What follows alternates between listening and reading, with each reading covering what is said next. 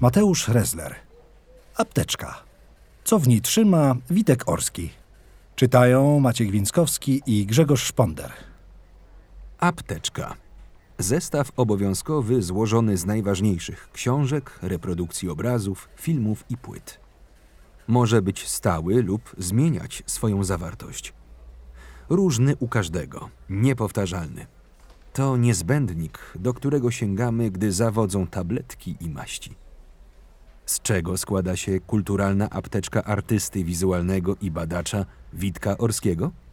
Rozmawiał Mateusz Ressler. Dosłowność? Wolałbym nie. W swoich pracach unikam formułowania konkretnych postulatów światopoglądowych. Myślę, że sztuka dużo lepiej zadaje pytania niż udziela odpowiedzi. Gdy wykrzykuje jakieś hasło, mówi jak jest, czego żąda, wtedy staje się propagandą.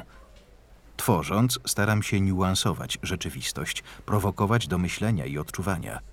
Używam sztuki jako narzędzia do formułowania problemów. O swoich realizacjach artystycznych myślę czasem w kategoriach bliskiej fotografii analogii do przyrządów optycznych, jako o czymś, co tylko i aż zmienia perspektywę. Zwracam na to uwagę także jako odbiorca kultury. Sięgam po dzieła, które nie proponują gotowych rozwiązań i powtarzając za Olgą Tokarczuk, sprzeciwiają się chorobie dosłowności. W muzyce szukam ukrytych kontekstów i niejednoznaczności.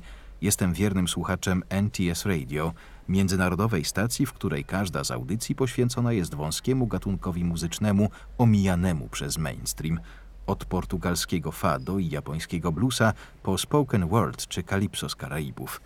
Gdy potrzebuję chwili ukojenia, najchętniej słucham programów nadającego z Londynu Francesca Fusara, który zaznajamia odbiorców z muzyką barokową i jej współczesnymi interpretacjami.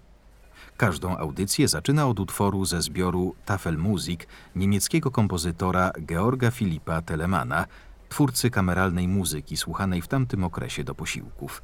Dużym sentymentem darzę również muzykę mojej młodości, zespół Pulp oraz solową twórczość ich lidera Jervisa Cockera. Wsłuchuję się w jego poetyckie historie, w których nie stroni od czarnego humoru i abstrakcji zanurzonych w lekkiej nostalgii.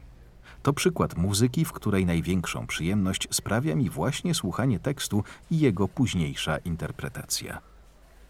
Zostając przy temacie słów i ich znaczeń, w mojej apteczce ważna jest również literatura, w szczególności ta, która rozprawia się z modernizmem. Zrywa z czystą formą i ślepą wiarą w awangardę. Często wracam do kopisty Balterbiego, historii z Wall Street Hermana Melvilla, opowiadania, z którego pochodzi słynny cytat Wolałbym nie, I would prefer not to. To powtarzane przez tytułowego bohatera stwierdzenie wydaje mi się niezwykle fascynujące. Uosabia niesprecyzowany rodzaj buntu w totalnej bezradności. Choć może się to wydawać zaskakujące, w tej postawie odnajduję jakąś dziwną nadzieję – interpretuję ją w wymiarze współczesnym, a nawet politycznym.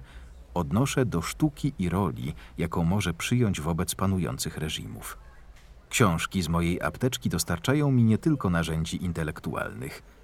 Część przemawia do mnie też ze względu na zawarty w nich ładunek emocjonalny.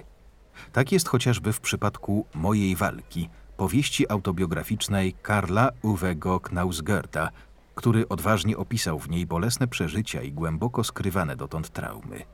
Odnajduje się w jego przemyśleniach. Wiele wzruszeń dostarcza mi również inny kraj Jamesa Baldwina. Nieustannie zachwyca mnie sposób, w jaki przedstawił on skomplikowanie relacji międzyludzkich w tym okrutnym świecie. Gdy teraz się nad tym zastanawiam, dochodzę do wniosku, że literatura jest dla mnie tak ważna, bo w gruncie rzeczy bardzo przypomina fotografię. Obie te dziedziny sztuki na pierwszy rzut oka wydają się stosunkowo łatwe do opanowania. Nie przypominają rzemiosła, w którym trzeba stale szlifować swój warsztat, by dojść do perfekcji. Współczesna fotografia dzięki rozwojowi technologii stała się porównywalna z językiem, a aparat fotograficzny jest dziś odpowiednikiem długopisu. Kto z nas nie potrafi się nim posługiwać? Pytanie tkwi jednak w tym, co zostanie nim napisane – Fotografując, czuję się więc, jakbym uprawiał eseistykę.